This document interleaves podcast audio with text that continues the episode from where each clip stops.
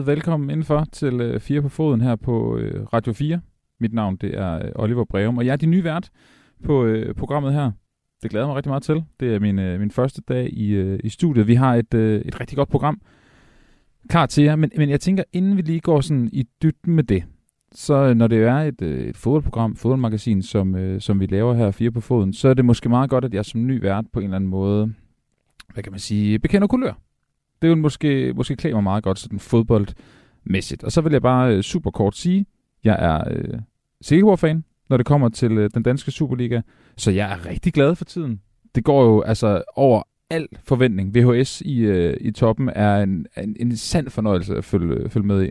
Så det er jo sådan personligt ret dejligt for mig. Når vi kigger på øh, udlandet, til udlandet, så er det fodboldklubben Ajax Amsterdam, der sådan har min, øh, mit helt store hjerte. Jeg var på en rejse dernede, der var en øh, 10-12 år og blev meget forelsket i ungdomssystemet og spillestilen og sådan noget. Og faktisk de to klubber, de, altså lige nu merger de jo faktisk både på talentmasse og på, øh, på spillestil. Det går ret godt begge steder. Så jeg er glad mand. Rigtig glad mand. Derudover så har jeg, fordi jeg bor i København, valgt også at have et sæsonkort til parken. Øh, det har jeg sammen med nogle af mine venner, der er rigtig øh, store FCK-fans, og det er fint nok, så kan jeg ligesom holde øh, fodboldglæden ved lige. Men øhm, det ændrer ikke på, at det er Silkeborg, der er mit helt store øh, hjertebarn, når det kommer til, til dansk fodbold. Hvilket også vil sige, at der på onsdag er en ret spændende kamp, hvor at, øh, de to mødes inde i parken. Og jeg ved ikke helt, hvad jeg skal gøre der. Om jeg skal møde op med tape for munden eller et eller andet, så jeg undgår at, øh, at blive uvenner med mine venner. Men øh, det er jo sådan lige det, så ved jeg ligesom, hvor jeg er henne fodboldmæssigt. Jeg vil våge påstå, at jeg er øh, en dygtig nok journalist og vært og interviewer til, at I ikke kan høre det når, øh, når vi først vil gå i gang med programmet. Men øh, det kan I jo så det kan I skrive ind på sms'en, hvis I gerne, øh, gerne vil have en kommentar til det. Den er jo et øh, nummer på sms'en, er, at I skal skrive til øh, 1424, og så øh, skriv din besked, og så send, øh, send den afsted. Men øh, det tror jeg ikke, I kan. Det skal nok blive rigtig fint. Jeg glæder mig rigtig meget. Vi skal øh, simpelthen tale om, om så mange spændende ting. Vi skal blandt andet tale med journalisten Jensen fra Ekstrabladet. Han har lavet en ny øh, podcast, der hedder øh, Blodbold, og som øh, handler om det, der foregår nede i Katar det er han jo virkelig mand, der har været på. Han har arbejdet på det her i, øh, i 10 år, og det skal vi tale lidt med ham om. Øhm, han har blandt andet udtalt, at han vil følge den her sag til ende, og jeg er faktisk ret interesseret i at høre, hvad, hvad enden egentlig er på det her, for det synes jeg faktisk er ret uklart, når man kigger på, på Qatar, om der er en ende overhovedet. Men øh, det der er spændende, det skal vi tale med ham om. Så skal vi tale med landsholdsspiller Sofie Junge Pedersen. Hun er nykort italiensk mester for Juventus, hvilket vi øh, allerede nu, men også til hende, godt kan sige tillykke for. Det er øh, en kæmpe bedrift. Men det, jeg også gerne vil tale med hende om, det er den nye professionelle stil, der skal være i øh, CA. Det, de vil gerne gå over til professionel fodbold, og det er ret interessant at høre, hvordan det foregår, både i klubben, men også sådan for den mentale forberedelse for, øh, for, øh, for en som Sofie, der, der spiller. Det bliver også rigtig godt. Så øh, er der ramadan lige nu, hvis ikke du vidste. Og øh, det betyder blandt andet, at vi skal tale med Isam Jabali fra, fra OB, fordi han, han holder ramadan lige nu hvilket betyder, at han faster, når, der, når solen er oppe. Øhm, og også nogle andre ting, men primært fasten. Og det er jo altid interessant med sportsøver, det her med, hvordan det måske påvirker, eller måske ikke øh, påvirker. Men øhm, det taler jeg med ham om. Det bliver, øh, bliver til sidst her i den, i den første time. Han har faktisk gjort det ret godt, kan jeg godt afsløre allerede nu, så det er ikke sikkert, det er så stor en, øh, en bagdel eller fase, når, når solen er oppe. Så kommer vi til team nummer to, og det vil bare kort sige, at der bliver øh, altså et ret stort og generelt fokus på, hvad kan man sige, øh, den kamp, der kan opstå mellem en fodboldklub og den kommune, klubben er i. Øh, vi skal konkret tale om AGF, der har en øh, forpakningskamp, øh, kan man sige, om hvem der skal forpagte øh, bygningerne ude omkring øh, deres stadion lige nu. Vi har også en, øh, en snak med Hvidovres borgmester, der er ret træt af de øh, kriterier, der er for Superliga-stadions, eftersom at Hvidovre måske ligger til at, øh, at rykke op. Men øhm, så fik jeg det. det. Det bliver simpelthen så godt, og jeg har glædet mig så ekstremt meget til den her dag. Så jeg øh, håber, du vil løbe med derude og sende øh, beskeder ind på sms'en, som sagt 1424, og så ellers bare din, øh, din besked afsted. Så står jeg med dem her på skærmen, så øh, skal jeg nok tage fat i dem, hvis der er noget. Men jeg tænker sådan set bare, at vi, øh, vi stille og roligt kaster os ud i det. For nu øh, skal jeg nemlig tale med øh, Jan Jensen, der som sagt er sportsjournalist ved øh, Ekstrabladet, og manden bag, jamen, først og fremmest den her podcast Bodbold, men også generelt den her meget, øh, jeg har lyst til at sige Danmarks bedste dækning, når det kommer til forholdene nede i øh, Katar. Velkommen til, Jan. Tak skal du have. Jan, øh, nu øh, har jeg dig med her, fordi vi selvfølgelig skal tale om den podcast, du, øh, du har lavet, Blodbold. Øh, jeg vil egentlig godt starte med at høre, hvad, hvad den her podcast kan fortælle, som vi ikke allerede ved i forhold til øh, forholdene nede i Katar. Øh, meget forhåbentlig. Øh, vi, har, vi har virkelig øh, lagt os i selen, når jeg siger vi, fordi der er jo et hold bag det her. Øh, det er jo ikke kun mig. Men, øh, men vi har virkelig lagt os i scenen, fordi vi forsøger også at forklare kan man sige, vejen til Katar. Altså, hvordan kunne det overhovedet gå til, at et øh, fodboldland som Katar, eller som måske ikke var så stort et fodboldland, i hvert fald ikke i 2010, hvordan de overhovedet kunne få VM. Øh, og, og den historie begynder faktisk helt tilbage i 1974, så der er også noget historie i det her, øh, øh, som jo vi håber, at mange synes, det vil være interessant, fordi hvordan var det FIFA egentlig udviklede sig øh, fra 1974 og frem til den afstemning i 2010, hvor det var så gennemkorrumperet, at, øh, at man øh, kunne give VM til Katar.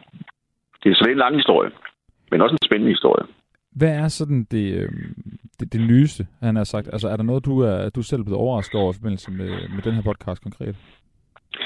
Øh, nej, ikke, ikke som sådan, fordi jeg har som du selv siger, eller selv sagde i din introduktion, så har jeg jo beskæftiget mig med det her i 10 år, så, øh, og jeg har været meget igennem øh, mange, mange artikler, mange bøger, mange øh, tv-dokumentarer, øh, som, så, som sådan er der ikke noget, der, der har overrasket mig. Altså det, der som stadigvæk kan overraske mig, det er den kynisme, som, øh, som øh, FIFA øh, og FIFAs præsident øh, Gianni Infantino senest har lagt for dagen. Altså, øh, det overrasker mig meget. Jeg var jo senest i Katar her i forbindelse med FIFAs kongres, og øh, altså, det er som om, at øh, de her problemer, som jo er problemer, voldsomme problemer med migranter eller for migrantarbejdere, at de ikke eksisterer. Øh, det gør det ikke åbenbart for FIFA-toppen, og det gør det heller ikke for, for, for lederne i Katar. Så det, var, det, det kan stadigvæk overraske mig. Øh, og, og det, det, det siger du det ikke gør, fordi du har henvendt dig til dem og, og fortalt, hvad du ved, eller, eller hvorfor, hvorfor siger du det? Ja, ja, det har jeg jo gjort flere gange. Øh, og, nu så vi så her øh, senest Infantino på, på, på en konference i, i Los Angeles i USA. Det var i sidste uge, hvor, hvor han øh, sammenligner sine egne forældre, der immigrerede fra Italien til Schweiz, med den situation, migrantarbejderne har i, i, i Katar, hvor han så siger, at de er jo stolte bare, at de har et arbejde. Det viser jo bare, at manden er fuldstændig uden, for, eller uden situationsfornemmelse og har ingen indsigt i, hvordan øh, virkeligheden er for migrantarbejderne dernede. Så det, så det, det kan stadigvæk overraske mig og undre mig. Det er måske ikke den mest, øh, hvad skal man sige, tiltalende vinkel på, øh, på det, der foregår dernede. Nej, det kan man ikke sige.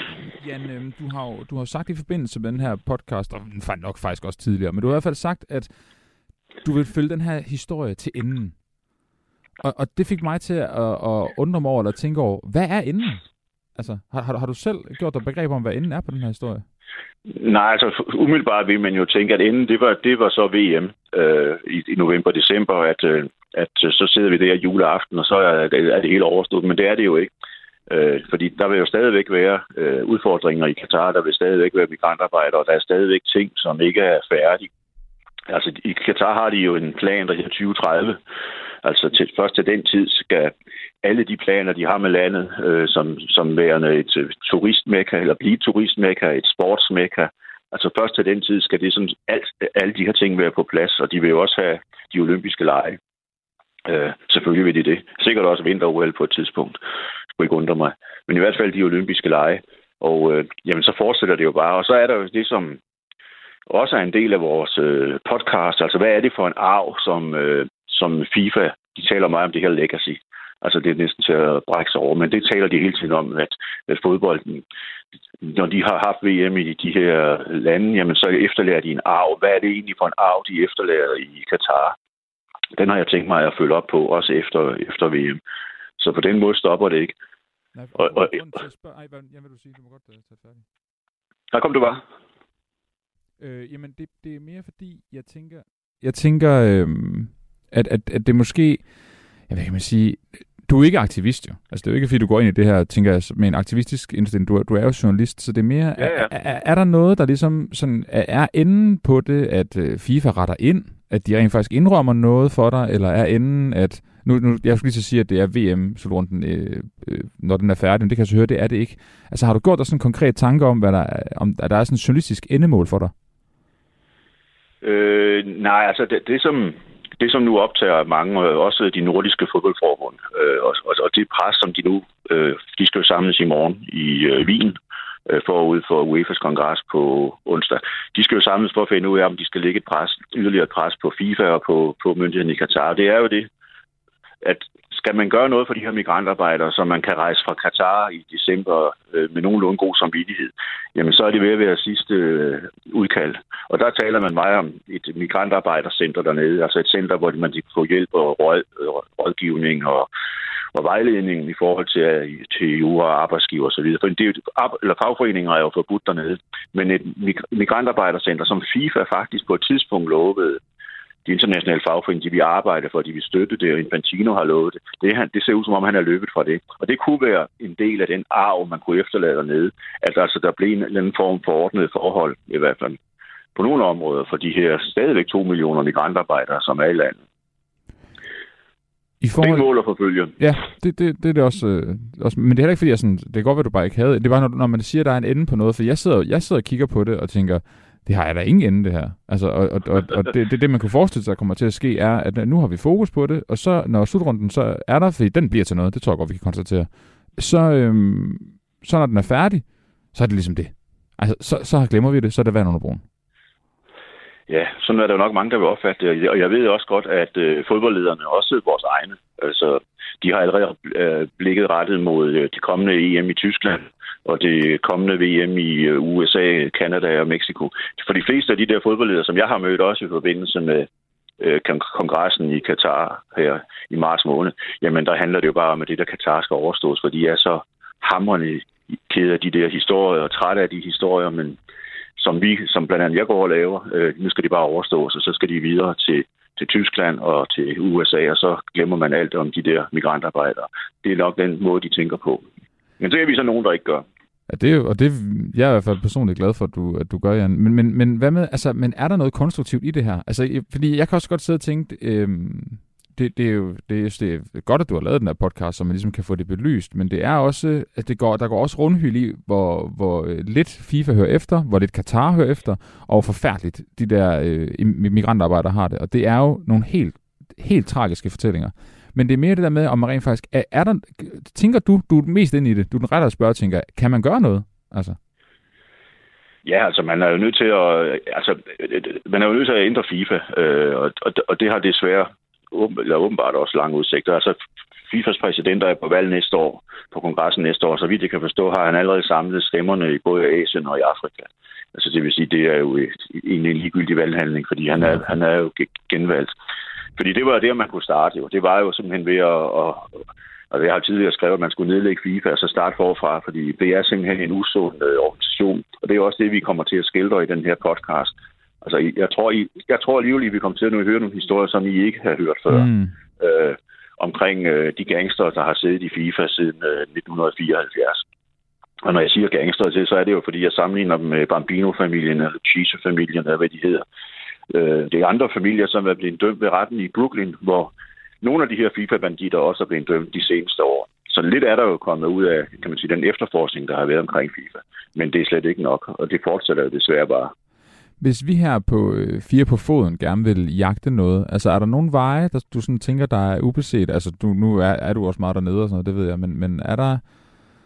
Det ved jeg ikke. Er der nogle spørgsmål, som du også øh, har savnet svar på herhjemme måske, eller et eller andet?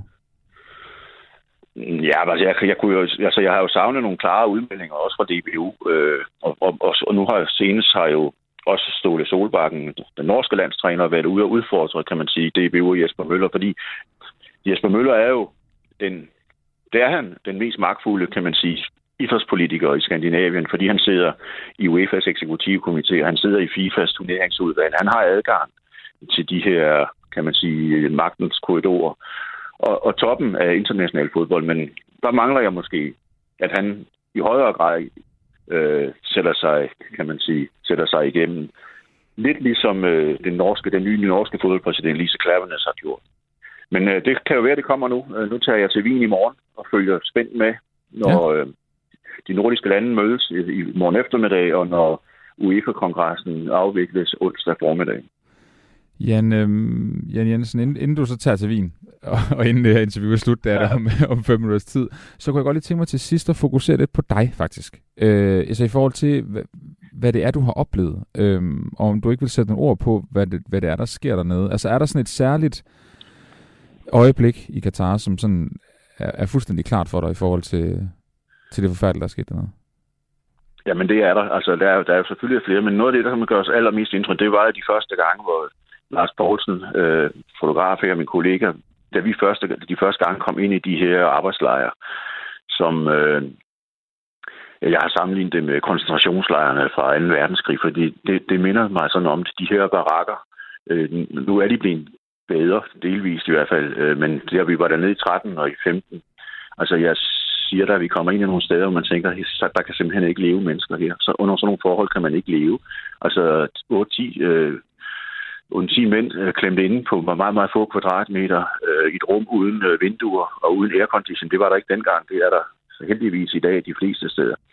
Øh, og uden toiletter, øh, og uden, øh, et, altså uden et, et egentligt køkken, altså i nogle af de her barakker, det var jo, øh, de måtte jo tage vand med i dunke inden for deres arbejdspladser, når, når de så skulle hjem, fordi der ikke var vand eller rindende vand i de her øh, barak, de boede i. Det var simpelthen så uselt. Man tænker, Katar, som er verdens rigeste land, når man kigger på indbygger, øh, og så kan man alligevel behandle mennesker på den her måde. Og, og de var jo, øh, dengang i 13 og i 15 og delvis også i dag, var det jo slaver, fordi de havde jo afleveret deres pas. De havde, øh, øh det var de jo tvunget til, øh, og de var jo fuldstændig i deres arbejdsgivers øh, vold. For at kunne rejse hjem, eller for, de, de, dengang måtte man ikke skifte job, men for at kunne rejse hjem, fordi hvis de nu ikke har fået løn i mange måneder, så er der jo ikke nogen grund til at være der, men det kunne de jo så heller ikke, fordi de ikke kunne have deres pas. Men de skulle også, ud over deres pas, så skulle de også have et udrejsevisum, som skulle skrives af deres arbejdsgiver. Altså den måde, man behandlede mennesker på, det, det, det, det står stadigvæk. Det, det gør simpelthen så ondt stadigvæk. Jeg synes ikke, man kan være det bekendt. Og det, og, det, og det var på grund af fodbold. Altså, det er det, der er så vanvittigt. På grund af en fodboldturnering. Så behandlede man ikke bare tusind mennesker, men 100.000 vis af mennesker på den her måde. Det, var, det, det, det fatter jeg ikke. Altså, det fatter jeg stadigvæk ikke, at det kan lade sig gøre. Det, det er tydeligt, at det, at det har påvirket dig. Andet har næsten også været, været underligt. Men, men kan du prøve at sætte nogle ord på det, hvad det har gjort ved dig? Jamen, det, det, det, det var jo det, jeg så sagde, at det her det er vi nødt til at følge. Altså, og jeg er jo vildt begejstret, eller vildt glad for, at Ekstrabladet har tilladt, at jeg har i så mange år har kunnet beskæftige mig med det her, fordi det, der ikke, det har da også kostet mange penge. Øh, men det var, det var jo det, at altså, der var jeg ikke i tvivl om, at det her, det skulle følges til ende, og så har du selvfølgelig ret i, hvornår er inde. Men alting har vel en ende på et eller andet tidspunkt. ja. Måske når jeg når pensionsalderen, men så, øh, Ja, men det, det, det var det, der gjorde det. Altså, det var det, altså, det her, det, sådan kan man simpelthen ikke behandle mennesker. Og det er så uværdigt. Og når man så ved, øh, altså man nok vidste, at de mennesker, som havde besluttet, at VM skulle til Katar, det var nogle usle, øh, griske slyngler i FIFAs eksekutivkomité. Har, har det ændret noget for dig, altså sådan personligt, i forbindelse med, at du har, har lavet alle de her fortællinger, de her historier? Altså kan du mærke, at du har ændret indstilling, holdning, syn på noget, eller, eller, eller hvordan har det påvirket dig? Jamen, altså, det har giver jo en eller anden øh, lede ved international fodbold. Altså, at, at, at, det, at det pengecirkus, som er, altså, man må også sige det med Katars køb af PSG og Saudi-Arabiens køb af Newcastle, altså, altså det, det giver sådan en, jeg vil sgu egentlig hellere se en anden divisionskamp, end jeg vil se Premier League eller, eller VM i fodbold. Øh, fordi det, er, det, det har gjort noget ved, ved glæden ved fodbold. Og jeg er jo selv gammel fodboldspiller, tidligere fodboldspiller, og har spillet masser af fodbold, men det her har taget noget af glæden ved, ved fodbold, det må jeg sige. Nu, øh, nu, ja, nu, nu nævnte du det selv, det her med, at du har, du har dækket det i øh, ja, mere end 10 år vel efterhånden. Og, øh, ja. og, og du har jo så heldigvis, har jeg lyst til at sige, hvis jeg lige skal prøve at være en lille smule positiv i det her moras af, af dårlige fortællinger, har du rent faktisk også set noget ændre sig. Der er jo sket et eller andet, ikke? Men, men ikke selvfølgelig ikke nok. Men jeg vil godt høre dig, hvordan er det at have brugt så mange år på det, og også kigge frem i, nu sagde du også, at du vil fortsætte efter Katar, at, at, at der sandsynligvis er, er år endnu i den her, øh, den her fortælling, øh, før vi finder den, den famøse ende. Men hvordan er det, at du har brugt så lang tid på det, og så set så, hvad, hvad skal vi sige, relativt få øh, forbedringer? Jamen, det, det, har, det er jo også det, der, der har gjort så ondt, eller har, har været så nedadræktigt. Altså, det har været så meget op ad bakke. Altså ikke for mig personligt, øh, men, men for, for, for, for de mennesker, i Katar. Ikke? Og det, og det er jo, der, der, der har jo været mange indover, jo, altså Human Rights Watch, Amnesty International, Building Workers International, hvad de nu hedder, de her fine organisationer, som jo har påpeget det her. Men, men altså, de har jo, de er jo stødt på det samme, som øh, vi journalister, der beskæftiger os med det, er stødt på. Det er, at politikerne er ligeglade, stort set. Altså, fordi vi samhandler jo med Katar, og USA har en base dernede. Og, altså, man tager jo slet ikke de konsekvenser, eller drager ikke slet ikke de konsekvenser, man burde gøre af det her. Og herhjemme har vi jo også oplevet det, at DBU spiller bold med politikerne, og politikerne spiller bold med DBU. Og uha, når, vi ikke, når politikerne ikke siger, at vi skal boykotte, så gør vi det skam ikke. Altså, det spil, det er jo også, øh, altså, det er jo trættende og kedeligt, og ja, det fører jo ingen steder hen. Men det, det, det, det er deprimerende også, at, at man ikke at man ikke har taget konsekvens for mange år siden og sagt, at vi må have en ny afstemning, og så tage, skulle man have taget det hjem på Katar. Men, øh, jeg, Jensen, på, jeg, jeg, jeg tror, jeg synes, vi skal prøve her på Fire på Foden også at, at jagte det lidt, det der. Altså lidt, det er lidt DBU, lidt Jesper Møller måske, men så også måske øh, jamen, nogle kulturordfører eller et eller andet. Prøve at skabe lidt debat omkring det her, fordi at, øh, ja, det tror jeg bare kunne være sundt. Også øh, nu nærmer vi os også, ikke? Det er på sin plads. Jo, det gør vi nemlig. Ja, det er, det er fuldstændig ret. Jan Jensen, på, tak fordi du gad at være med, journalist ved, ved Ekstrabladet, og uh, så kan man som sagt høre uh, Ekstrabladets podcast Bådbold, hvis man gerne vil blive endnu klogere, både på historien, kunne forstå bag det hele, men også hvordan uh, forholdene stadig er den dag i dag. Tak fordi du var med her. Det var så lidt. Godt. Hej. Hej.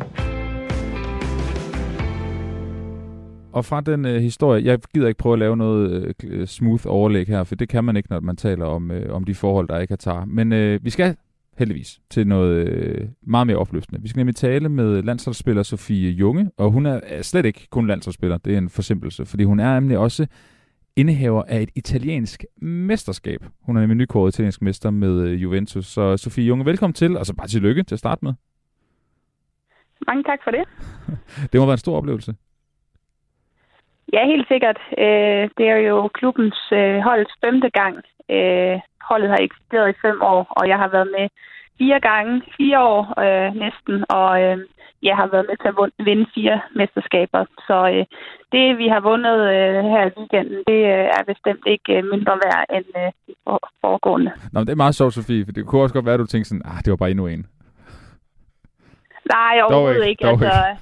Nej, overhovedet ikke. Jeg synes, at jeg er meget stolt af den her sæson med alle de kampe, vi har haft også i Champions League, og som vi har klaret det der. Øh, og så har vi også haft øh, udfordringer i den her sæson. Så jeg, jeg tror, det er det her øh, mesterskab, jeg er mest stolt af faktisk, at jeg, jeg har været med til. Sofie, jeg, øh, jeg håber måske, vi har tid til at tale lidt om det, når, øh, når vi når slutningen af interviewet, fordi jeg vil egentlig også gerne øh, bruge dig til at tale lidt om noget andet. Nemlig det, at, ja. øh, at jeg kan forstå, at det fremover bliver et krav, at der skal være fuldtidsprofessionel fodbold i, i den italienske liga CA. Øhm, det har man før set, blandt andet i England, at no- nogle klubber simpelthen har haft svært ved at altså, omstille sig til det. Øhm, så jeg vil godt tænke mig at tale med dig om at bruge, bruge nogle minutter på at tale med dig om, hvad, hvad du tænker om det, øh, når, når du kigger på den italienske række, måske også de andre hold, men selvfølgelig særligt, særligt Juventus. Men først, hvad, hvad er sådan dine tanker omkring, at, øh, at nu bliver det fået, fået, oh, undskyld, fuldtidsprofessionelt i, øh, i Italien? Jamen, det er helt klart et skridt i den rigtige retning. Altså, det er rigtigt, at der er nogle klubber, der har haft svært ved ligesom at leve op til de krav i flere år, så det er, jeg tror også, det er grunden til, at det ligesom har, øh, har øh, lad, vendt øh, lidt på sig, at, at øh, det krav om øh, professionelle klubber øh, kom. Øhm, men øh, det er helt klart øh, skridt i den rigtige retning for italiensk kvindefodbold og, og kvindefodbold generelt, at, øh, at der stilles krav til klubberne om, øh, om forskellige ting. Øh, man kan sige, Juventus, der har vi fra starten af haft rigtig gode forhold. øh, men jeg synes, det er dejligt at vide, at øh, nogle af de andre klubber, som har måske haft lidt svært ved at leve op til kravene, at nu, nu kommer de til det med de nye krav. Øh, så så det, det synes jeg virkelig er godt, at øh, jamen, forholdene bliver bedre. Også øh, krav om baner for eksempel. Øh, jeg synes, at der har været lidt for mange dårlige baner, vi er kommet ud til at skulle spille kamp på, og, og det synes jeg ikke er fair. Altså når vi i forvejen er udsat sådan rent skadesmæssigt også, at, at man så kommer ud på direkte dårlige fodboldbaner. Det, det, det er noget af det, jeg ser allermest frem til ved, ved den aftale. Hvis vi lige holder, holder fokus bare på din egen klub Juventus. Nu sagde du der med, at det, det, det er måske et setup, de nærmest allerede har i forvejen. Men alligevel, altså, hvad, hvad, hvad tror du, det konkret kommer til at betyde for, for klubben? Og for din hverdag? Øh, ja, men altså, hverdagen, det er lidt svært lige at pege på. Øh, jeg, jeg tror ikke rigtigt, jeg kommer til at mærke forskel. Øh, der er lidt for eksempel i forhold til krav om, at, øh, at klubberne skal betale ind til pension. Okay. øhm, så det, det, det er noget, der ændrer sig også i, Juventus. Men altså banemæssigt har vi virkelig gode, gode forhold og god stab, og ja, det hele er virkelig professionelt. Så, så der, der tror jeg simpelthen ikke, jeg kommer til at mærke nogen forskel til det gode, tænker jeg. Nej, det, ja. der, du savner altså, ikke noget. Det er forvejen rigtig, rigtig godt. Nej, ja. det, det synes jeg ikke. Sofie, hvis vi så kigger, fordi du rejser selvfølgelig rundt, når man spiller Serie A til de andre til italienske klubber. Nu nævnte du det her med, øh, med banerne. Men, men sådan dit indblik i klubberne og sådan noget, hvad, hvad, hvad tænker du? Kan, kan de følge med sådan generelt over, over en bred kamp i Italien? Eller, eller vil der være nogen, der, øh, hvor det vil være en for stor omvæltning? Jeg har ikke hørt, at der skulle være nogle klubber, som så trækker sig fra ligaen, fordi de ikke kan leve op til kravene. Jeg mener også, at altså, man får noget hjælp fra, fra forbundet og sådan til at til ja, de klubber, som øh, måske har lidt svært ved det end andre. Men altså, jeg hører egentlig generelt, at mange klubber har gode forhold. Altså, det er jo store klubber som altså, Milan og Inter og Roma og sådan nogle. Altså, det hjælper jo også noget, at man har sådan, øh, herrenes Serie A Øh, bag sig. Øhm, det gør så selvfølgelig, at klubben har lidt flere, øh, lidt flere kræfter, øh, vil jeg sige. Øhm, så jeg synes, der er, jeg hører mange steder, at, at forholdene er gode, men det er sådan lige at få de, de sidste med. Øhm, så så det, det ser jeg virkelig frem til. Er, er de sidste klubber, er det de klubber, hvor man øh, ser, at de ikke har et, et herrehold også, eller hvad? Altså hvor setupet i for, altså måske er lidt mere, jeg ved ikke, e, der er ikke så mange fra, fra mændenes setup, som man kan øh, bruge som, som, som kvindehold. Øh, altså nu tror jeg faktisk, at det er, så vidt, når jeg lige sådan i hovedet, øh, at, at alle klubber, kvindeklubberne i Serie A har øh, herreholdet også okay. i, øh, i Serie A eller Serie B. Øhm, så, så, men altså, der er lidt forskel på, hvor meget der investeres øh, fra de forskellige klubber i, øh, i ja. kvindeholdet. Øhm, ja. I forhold til, øhm, altså det, i virkeligheden, det er jo ret vildt, ikke? at jeg, kan, jeg præsenterer dig som landsholdsspiller og som øh, spiller Juventus, og du har lige vundet mesterskabet. Og så kan man tænke, så er selvfølgelig er du, er du fuldtidsprofessionel. Eller det andet, andet vil næsten være underligt, ikke? Øhm, men, men, men jeg tænker så alligevel, er der noget, måske ikke mentalt, eller måske alligevel, altså er der noget i den der omstilling, også som spiller, i forhold til, at nu er det et andet setup, nu er det et andet, øhm, et andet game måske i virkeligheden, i forhold til, at man går til, at det skal være fuldtidsprofessionel? Eller tænker du bare, det er kun godt, nu, nu kan vi bare køre videre? Øh, altså, jeg, jeg, jeg tænker ikke, der er noget negativt ved det, altså sådan større pres eller, eller noget. Jeg, jeg ser det virkelig kun som positivt. Øhm, og altså, personligt betyder det jo meget for mig, at, øh, at forholdene er gode. Øh, altså, jeg har ikke nogen sådan personlig ambition om at få lige så høje lønninger som herreholdene. Men, men vi bruger jo lige så lang tid på det og offrer lige så meget øh, for det. Øh, så, så forholdene skal bare være lige så gode som herrene. Det er virkelig det, jeg sådan har ønsket gennem hele min karriere. At, øh, ja, at, at, at vi ikke er, er mere udsat for, på grund af dårlige baner, på grund af ingen behandling, øh, ingen læge osv. Øh, så, så derfor har det altid været sådan, det, der har betydet mest for mig, at, at forholdene bliver øh, de samme som øh, for herreholdene. Det, det synes jeg, det, øh, det er kun fair, at det er sådan, når, når vi bruger ligesom meget tid på det. Du sagde, at du, du ikke, altså det ikke betød så meget for dig, det her med, om, om du får lige så meget løn som herrespillerne. Det, det vil jeg godt lige spørge til, hvorfor? Altså, hvor, hvorfor er det ikke der, du lige tænker, du vil, du vil sætte ind? Jamen altså, jeg, jeg kan jo godt se, at sådan, at der altså det her med, at der kommer ikke lige så mange tilskuere til vores kampe. Der er ikke lige så meget fokus på, på kvindefodbold som, som herrefodbold. Altså det går helt sikkert, altså det, det går helt vildt meget fremad. Så det skal jeg ikke, øh, altså det vil jeg gerne, øh, det er jeg rigtig glad for, at, at det går den vej. Men, men altså jeg kan jo godt se, at når man ikke, når man ikke kan tiltrække lige så store sponsorater og lige så mange øh, tilskuere til hver eneste kamp, jamen så, øh, så synes jeg, det er lidt svært for mig også at kræve øh, lige så meget løn. Øhm, ja, så, så derfor har det hele tiden sådan været, været forholdene, jeg synes har, har været det vigtigste. Øh, altså, så synes jeg selvfølgelig også, at, altså, at der er så meget fokus på kvindefodbold, at jeg synes, at det, det er godt, at vi kan leve af det. Altså, at, øh, at man får en løn, som man ikke, øh, jeg ikke er tvunget til at have et, et, et arbejde ved siden af, for eksempel. Det, det synes jeg virkelig er, er godt, og jo også det, der gør, at jeg kan bruge så lang tid på, øh, på det, og, og altså virkelig træne hver eneste dag på at blive en bedre fodboldspiller, også øh, for at gøre kvindefodbold øh, bedre. Øhm, så, så, så det synes jeg jo er godt stadigvæk, at man kan være professionel fodboldspiller som, som kvindefodboldspiller. Øhm, men de der astronomiske lønner, lønninger, det er ikke noget, jeg øh, går efter. Men, men det er ret interessant, ikke? Fordi du, du siger jo også det her med, at, at øh, hverdagen som sådan er den samme. Du knokler lige så hårdt, som alle mulige andre gør, altså øh, i, øh, i CA, også på, også på mandesiden. Men, men det, det, er en, det, er en, det er en sjov pointe der med, at der så måske er noget tiltrækningskraft, der gør, at du tænker, at, at, at de kampe, du spiller i princippet, er, er mindre værd. Men er, er, er, det, er det fair nok, at det er sådan? Altså, at, øh, at det er det, der afgør det? Det, det er ikke, hvor meget hårdt arbejde du lægger i det, og hvor mange gode kampe du spiller, men det er, hvorvidt at folk gider komme på stadion, og at sponsorerne gider lægge penge i det. Ja, altså nu kan man sige, når, når du siger mindre værd, altså for mig er det jo stadigvæk lige så meget værd.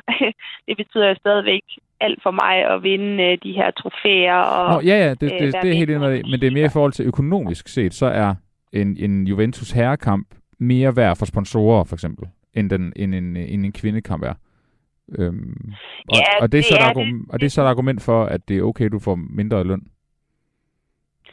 Ja, altså det, det, det synes jeg, jeg kan i hvert fald godt se det. Altså det er også, når jeg, når jeg læser sådan nogle debatter om, hvorfor vi ikke får lige så meget i, i løn som, som herrene, så, altså, så, kan jeg, så er det meget det argument, der kommer frem, og det, altså jeg kan, jeg sådan, det kan jeg godt se pointen i. Mm. Øhm, så er der selvfølgelig også noget med, at altså, der er stadigvæk flere drenge og herrer, der spiller fodbold, så konkurrencen er jo også større for at komme helt op på de der øh, ja, Serie A og øh, ja, de største ligaer og sådan. Så, så det har, det har måske også en betydning. Øhm, ja, men altså, jeg, jeg vælger jo at se positivt på, at, ja. øh, at det stormer fremad i kvindefodbold over, over hele verden, og det er jeg virkelig glad for at være en del af. Og det er fortjent og på tide også jo. Altså, det er jo, øh, det er virkelig helt vildt, at det har, det har taget så lang tid.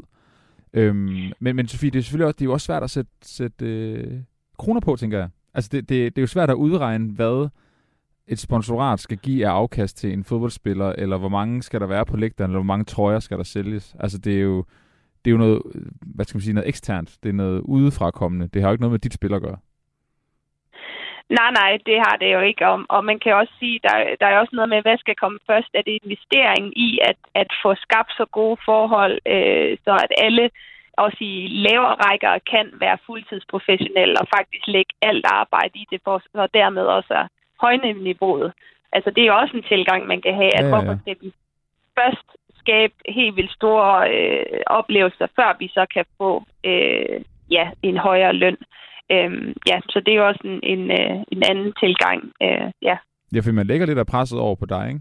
Altså, eller, nu, nu tager jeg taler med Sofie, men, men på spillerne. Det er sådan, så må I jo bare spille godt nok, han har sagt. Så må I lave vilde nok kampe, eller whatever, et eller andet, til at sponsorerne kommer, og så kan I få en højere løn.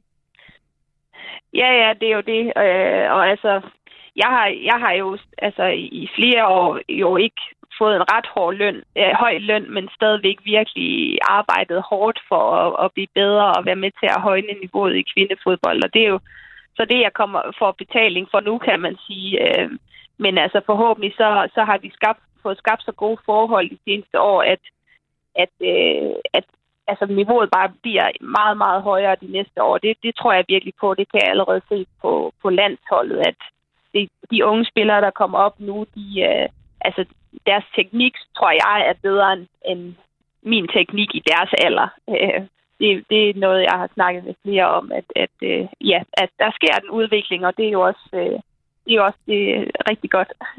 Ja, det er da så godt. Og det er jo også det, det sådan, det gerne skulle være, kan man sige. Og det har du også en pointe i. Hvor, hvor placerer man ligesom pengene henne, eller efter hvad man gerne vil have. Og det er selvfølgelig også, der er sikkert også noget, noget små skridt over det her. Men, øhm, men alligevel, ja, jeg synes, det var meget øh, tiltalende, Sofie, at, at du ikke nødvendigvis drømmer om at tjene de der astronomiske beløb, som, øh, som mange af de største fodboldstjerner øh, tjener. Mindre kan også gøre det, tænker jeg. Men, men, øh, men, men tænker du, hvis vi skal kigge i, øh, i spokhulen, altså i den, de strømninger, der er lige nu, de retninger, der er på vej, altså virker det ure, urealistisk, at der kommer en, en væsentligt bedre løn, og måske også, har jeg lyst til at sige, mere fortjent løn til, til de kvindelige fodboldspillere? Nej, det, jeg tror slet ikke, vi er nået øh, toppen endnu.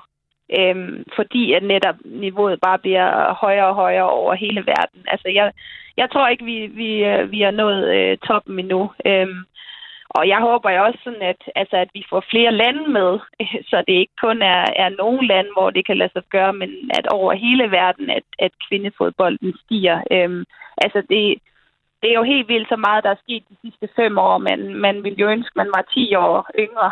Ja. nu er jeg lige til 30 og kunne godt tænke mig ja, at have mange flere år i, uh, i kvindefodbolden, øhm, fordi det bare uh, er blevet så meget bedre. Det, det betyder rigtig meget også, at de store klubber, de virkelig er gået ind i det, altså store klubber i, i de fleste europæiske lande, øh, virkelig går ind og investerer i kvindefodbold, og så ser vi det her løft, øh, og det, øh, det glæder mig til at se, øh, ja, være en del af de næste år, og så også om 10 år, når jeg nok har lagt støvlerne ved hylden, at ligesom øh, følge det udefra. Så må du få en trænergærning eller en ekspertplads et eller andet sted, Sofie, så du kan holde lidt fast i det på en eller anden måde. Ja, det er rigtigt. Lige her til sidst, og faktisk også måske en fin nok øh, overgang for det, du netop sagde med, at, øh, at, at der er en eksplosion i gang lige nu af, af den positive slags i, i kvindefodbolden. Det har vi også kunne se i forhold til øh, den landskamp, hvor du også skal være med i, øh, i parken mod Brasilien. Der er, der er allerede solgt over 10.000 billetter. Altså, jeg vil faktisk godt høre, hvad du bare tænker om det. Altså, det er jo helt vildt, synes jeg. Ja, men det er helt fantastisk. Altså, vi håber jo virkelig, at, der, øh, at vi kan få, få et fyldt parken. Det, er, det tror jeg er målet. Jeg glæder mig helt vildt meget til den kamp mod øh, Brasilien, som ja, jeg glæder mig til at se, hvor vi står i forhold til dem. Det er mange år siden, vi spillede mod dem sidst, øhm, og så i parken for første gang med forhåbentlig fyldt stadion. Det, øh, det kunne ikke være bedre, så, så jeg håber, jeg, jeg er fit for fight til den kamp. Jeg var øh, for ah, hvad er det, en måneds tid siden, eller sådan noget, der var jeg ude og interviewe øh, et par ungdomsspillere i HB Køge, netop for at høre om, hvad de, hvad de tænkte om det her. De var, altså, for dem var det helt surrealistisk. Der var, der var to ting i det. Det ene, det var, at når man øh, spiller og bor i omkring øh, Køge, så er der ret langt til Viborg. Øh, så det har, mange havde faktisk ikke set en landskamp. Så det var fedt, det var i parken og i København. Men, men, men, men alene det, at det var det, det var simpelthen surrealistisk for de her, de her unge kvinder, der jo har, har fulgt med i kvindefodbold altid, og har spillet fodbold altid også. Har du den samme, sådan, den der surrealistiske vibe over det? Øh, altså, det ved jeg ikke. Altså, jeg synes at det er øh, rigtig fedt, at øh, det bo, øh, altså, virkelig vil arbejde for, at vi, vi får den første kamp derinde i, i parken. Øh, altså, jeg kan godt forstå for dem, som, øh, som har set os spille i, i Jylland i mange år, at det nu er rart, at vi, vi endelig kommer, øh, kommer til, til København. Øh, så jeg tror, vi kommer, jeg, jeg tror, der er rigtig mange, der kommer til at få deres første kvindelandskampsoplevelse, øh, og det, det glæder vi os helt vildt meget til, at, øh, ja, at, at give folk den, øh, den oplevelse. Øh, folk, som vi ikke øh, som ikke har kunne komme til Viborg i, i de seneste år. Øh, så, så det, vi håber virkelig, det bliver en stor fest. Det, det er jeg sikker på, det bliver. Og Sofie, så har du, jamen, du, hvad skal du nu? Du skal nyde mesterskabet, og så har du en, øh, en pokalfinale lige om lidt, ikke? Jo, om to år. Som er mod Roma? Roma, ja. ja og det, øh, bliver det the double, eller hvordan kommer det til at se ud, tror du? Ej, det skal, det skal du sige ja til, selvfølgelig. Ja, det, det, det håber vi, men det bliver en meget svær kamp. Så øh, vi skal spille op til vores øh, bedste helt sikkert for Roma. Det, det er virkelig et godt hold. Sofie Junge, tak fordi du var med her og gad at sætte ord på jamen, den her snak omkring professionalisme og lønning og alt det der. Det er altid super, super spændende. Det kan være, at vi hiver dig ind igen en anden gang til en, til en snak om det. Og så øh, først og fremmest held og lykke med pokalfinalen. Øh, vi krydser fingre her på fire på foden. Ja. Og så øh, glæder jeg mig simpelthen bare så meget til at øh, opleve en kamp i parken mod Brasilien. Ja, jamen øh, selv tak for snakken. Så det god aften, ikke? Ja, i lige måde. Tak. Altså Sofie Junge her, fodboldlandsholdsspiller og øh, spiller i Juventus, der har øh, vundet det italienske mesterskab. Meget imponerende. Nu, øh, nu skal vi videre til, øh, til det her med ramadan. Jeg, jeg nævnte det lige i øh, introen af, af programmet. Det er jo en, hvis ikke du ved det, en, en måned for muslimer, hvor man øh, blandt andet faster øh, al den tid solen er, er oppe. Så øh, spiser man ikke, drikker ikke, osv. osv. Og så øh, kan man så gøre det igen selvfølgelig, når, når solen den går ned. Og det, det kan jo så være øh, for mig synes jeg faktisk, det lyder hårdt lige meget hvad, og jeg sidder bare i et radiostudie og taler ind i mikrofon. Men så skal man så samtidig forestille sig, at du rent faktisk er professionel fodboldspiller, og, øh, eller en anden atlet for en sags skyld, og skal præstere en masse. Øhm, det er det, vi skal tale med Isam Jabali om øh, lige om lidt. Jeg øh, vil derfor så også slå over i engelsk. Og det bliver sådan, det bliver. Og så må I, øh, I holde ud på mit, øh, mit danglish, når vi har, har OB-spillere med her, Isam Djibali. Isam Djibali, welcome. Hi, and uh, thank you for the invitation. Thank you. Thank you for coming. Uh, Isam, you've been uh, starting most of the uh, OB matches and uh, between doing this pretty well. You played quite well, right? Yeah, I think so. yeah, man of the match, so, yeah. scored a goal. Yeah. It's, it's been quite okay. Um, yeah. But at the same time, you've been celebrating Ramadan. Exactly, yes. Um, did That's you have any thoughts about that combination when you started the Ramadan? Is um, is actually yes. Uh, I sometimes I think about it. Uh, how how uh, the club will take it and how the people will take it uh, playing uh, yeah and at the same time doing Ramadan but uh, I think it's um, it's being late like you say. We have we have a great period under Ramadan and I'm playing uh, while I'm fasting. So yeah uh, yeah that's how, how how it is for me right now but yeah, yeah Ramadan is done when you told um, your coach or your players or anyone else in the club, how did they react that this is going to happen? Uh, the truth is, they know about. Uh, there was no about. Uh, yeah, the Ramadan is coming, and the coach he was aware about it, and yeah, he knows I'm. I'm going to to do my religion, which is I. I respect a lot uh, from the coach, from the club. They respect my decision, and they they help me and they follow me to the end. And um, yeah, I honestly I I have big respect for for that act. So uh, I appreciate it a lot. You've you've tried this before, I guess. It's not, not it's not your first time uh, playing matches and having a Ramadan or what? Exactly, it's not it's not the first time, but uh, it's a little bit difficult when you're in uh, Scandinavia because it's uh, you have more hours because uh, it's uh, the sun, you know, the sun when the sun shine and go down, so it's many hours compared. when while you, while I was in Saudi Arabia playing Saudi Arabia, we don't do we don't play before we eat, so we we train in night and we play matches oh. in night, so it's a little bit difficult here in Scandinavia. Yeah, okay. Um, could you feel that difference in your body in your in your play? It's uh, it's of course uh, it's different from player to player. Uh, for me, it doesn't does I, I don't think it affect my performance, but it's a little bit harder playing during Ramadan. That's the truth. Uh, but in the same time, it makes me challenging myself. So I feel like uh, you you gain more like you you learn how to be more calm, more patience, and uh, like I say, self discipline uh, which is something is good. Um, but it's a little bit hard, of course. You you want to drink something, you want to eat, and uh, but uh, yeah, I'm used to do it. So, like you say, probably if you try the first time, it's not gonna be easy. But I've yeah, I've done it for many years now, so I think uh, I I have the experience to to to to manage playing during Ramadan, even if it's at uh, yeah the top level. So um, yeah, could, could it's feel, good for me, I think. Yeah, yeah. Could could you feel anything specific different in your body when you played? Honestly, no. I think uh, I during normally normally as a professional football player during the the match day you don't eat that much, so you want to feel like in our mind you want to be fresh. So and also when you stress you don't want to eat that much. So um, yeah, for me during Ramadan is you feel a little bit tight, but uh, tight and tired, which is normal on every after match. But uh, it makes me more focusing on which meal I take, uh, sleeping extra hours, which is to recover more. But yeah, it's uh, it is a little bit difficult. It's a little bit hard, like I say. But uh, for me, I think uh, I manage it uh, well. Which is now now in life you can actually take yeah, healthy food. You have a special program from uh, for eating and also special program for training and yeah. So you just need to concentrate more on how to recover. Oh, so, so, so you actually have some sort of preparation Ramadan kit or what as you call it. You, you exactly, do so. Yeah, okay. Is that something exactly the, the club gives you, or is it something you provide for yourself? Uh, no, I provide for myself. I okay. think uh, we, of course, in the club we have uh, we have a plan how to eat. We have a nutrition, how to which kind of food we should eat before match and after match, and and everything. But uh, for me, of course, I have a special program just during Ramadan, so I just I just need to take the healthy healthy meal all the time, which is normally you should do it uh, during the season. but yeah, uh, during Ramadan you need to give extra, uh, like I say, extra shot on uh, recovery. Yeah, the the whole recovery stuff. Um, Djibali, I'm, I'm not sure if you know this, but about a month ago in April, the German Bundesliga saw its first ever match being interrupted with a break dedicated to a fasting player. Um, yeah.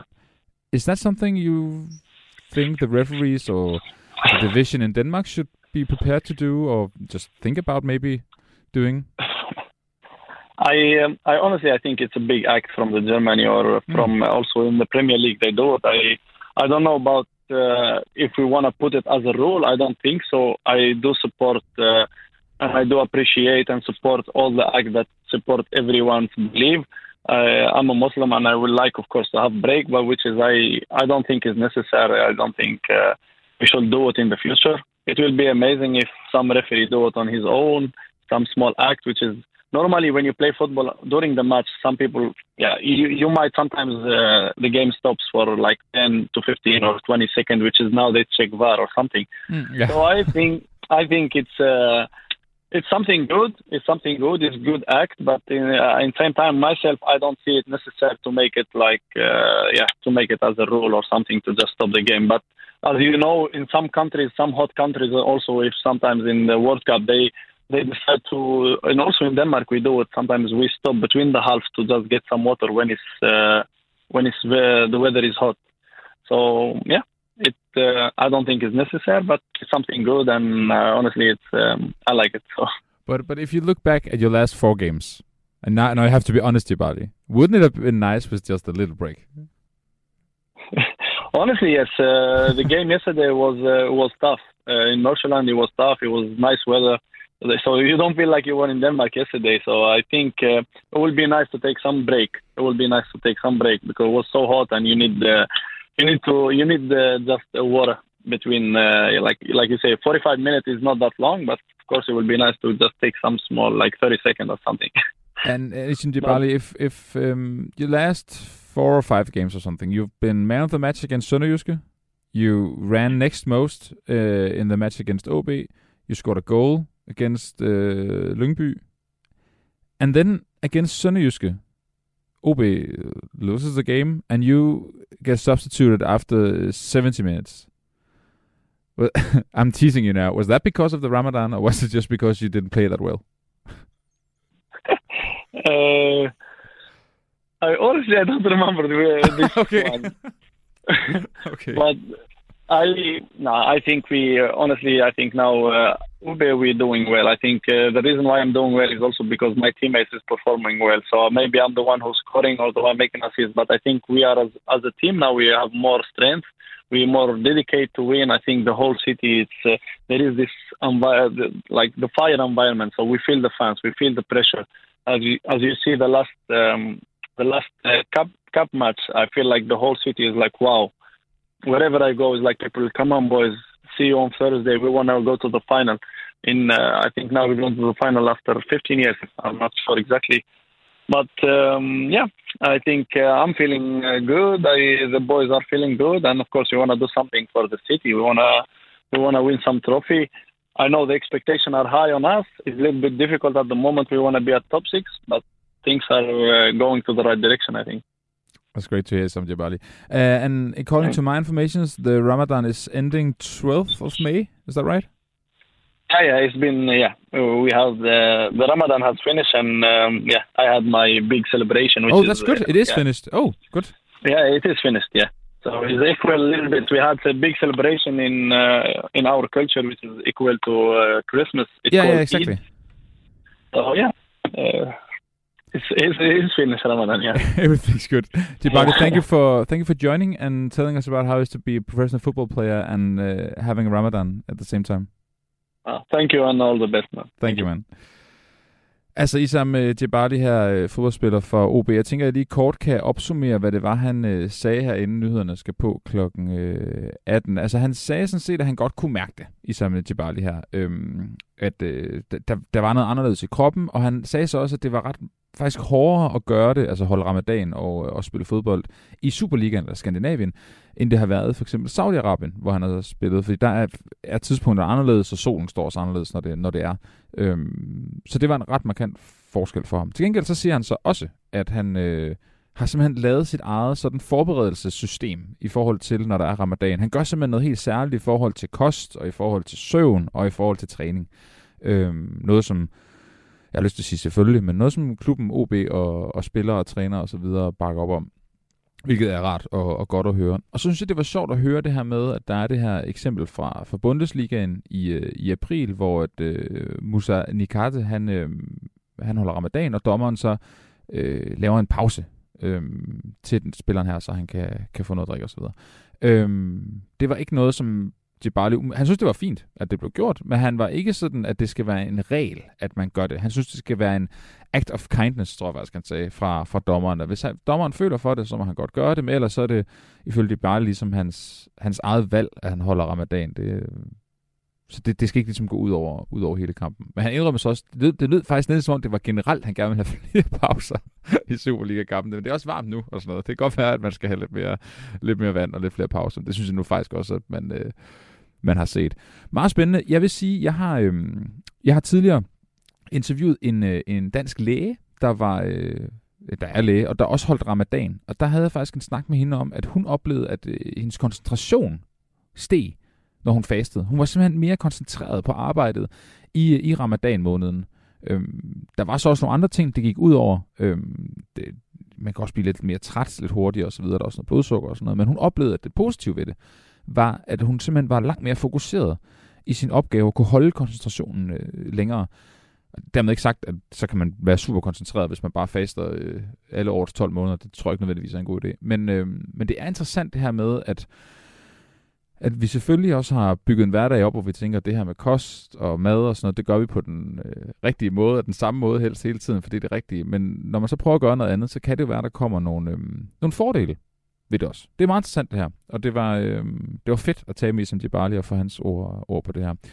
Jeg vil lige kort, inden, øh, inden vi så begynder at lukke ned for den første time her, sige, der er kommet en sms ind. Jeg i forbindelse med min snak med Sofie Junge, øh, landsholdsspiller, øh, og det her med løn og professionalisme i kvindefodbold. Der er en, der har skrevet, øh, hold nu op, det er markedskræfter, udbud og efterspørgsel. Det tager tid.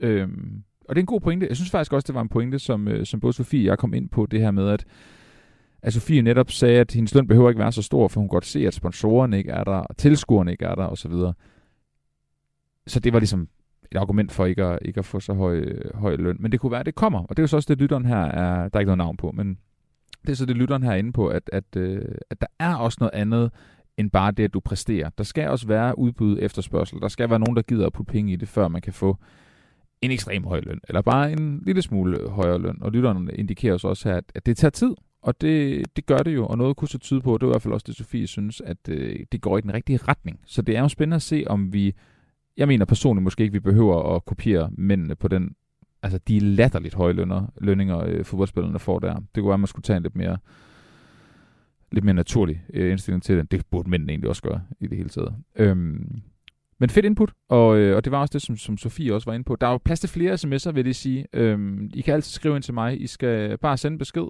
og øh, komme med jeres kommentarer, holdninger, hvad det nu kan være, og så sende det afsted til nummeret 1424, så, øh, så vil jeg gerne tage dem med i programmet, hvis jeg lige kan få det til at passe ind. Og det kunne jeg nu.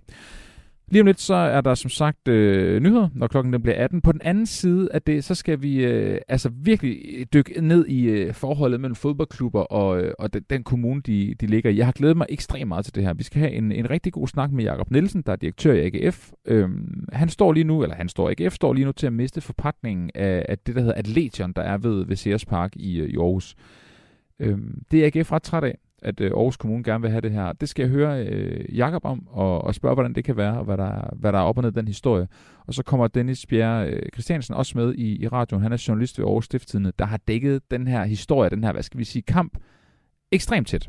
Så det er, øh, det er meget, meget spændende, og jeg glæder mig ekstremt meget til at, øh, at få afdækket det, og også finde ud af, øh, ja, hvorfor der overhovedet er den her, den her uenighed. Så skal vi efter det kigge på øh, Hvidovre, der er jo øh, lige nu godt kunne ligne et, øh, et Superliga-hold. Der er i hvert, fald, øh, i hvert fald en chance for det. Det betyder så også samtidig, at der skal laves et, øh, et nyt stadion. Dem, der har været på Hvidovre Stadion, vil vide, at det ikke er Superliga klar. Men det skal det blive jo, øh, medmindre de vil spille på et, et helt andet stadion. Det skal jeg tale med Hvidovres borgmester om. Han er nemlig ret træt af de krav, der blandt andet er for divisionsforeningen i forhold til, hvordan et Superliga-stadion skal øh, se ud. Interessant spørgsmål kunne være, hvad der er ja, i virkeligheden om borgmesteren bare gerne vil have videre bliver nede, så kommunen slipper for at bruge penge på at, øh, at bygge et nyt stadion. Men det er noget af det, der altså øh, er på tapetet i den øh, næste og sidste time af Fire på Foden den her dag. Jeg glæder mig rigtig meget til det. Bliv hængende og løb med.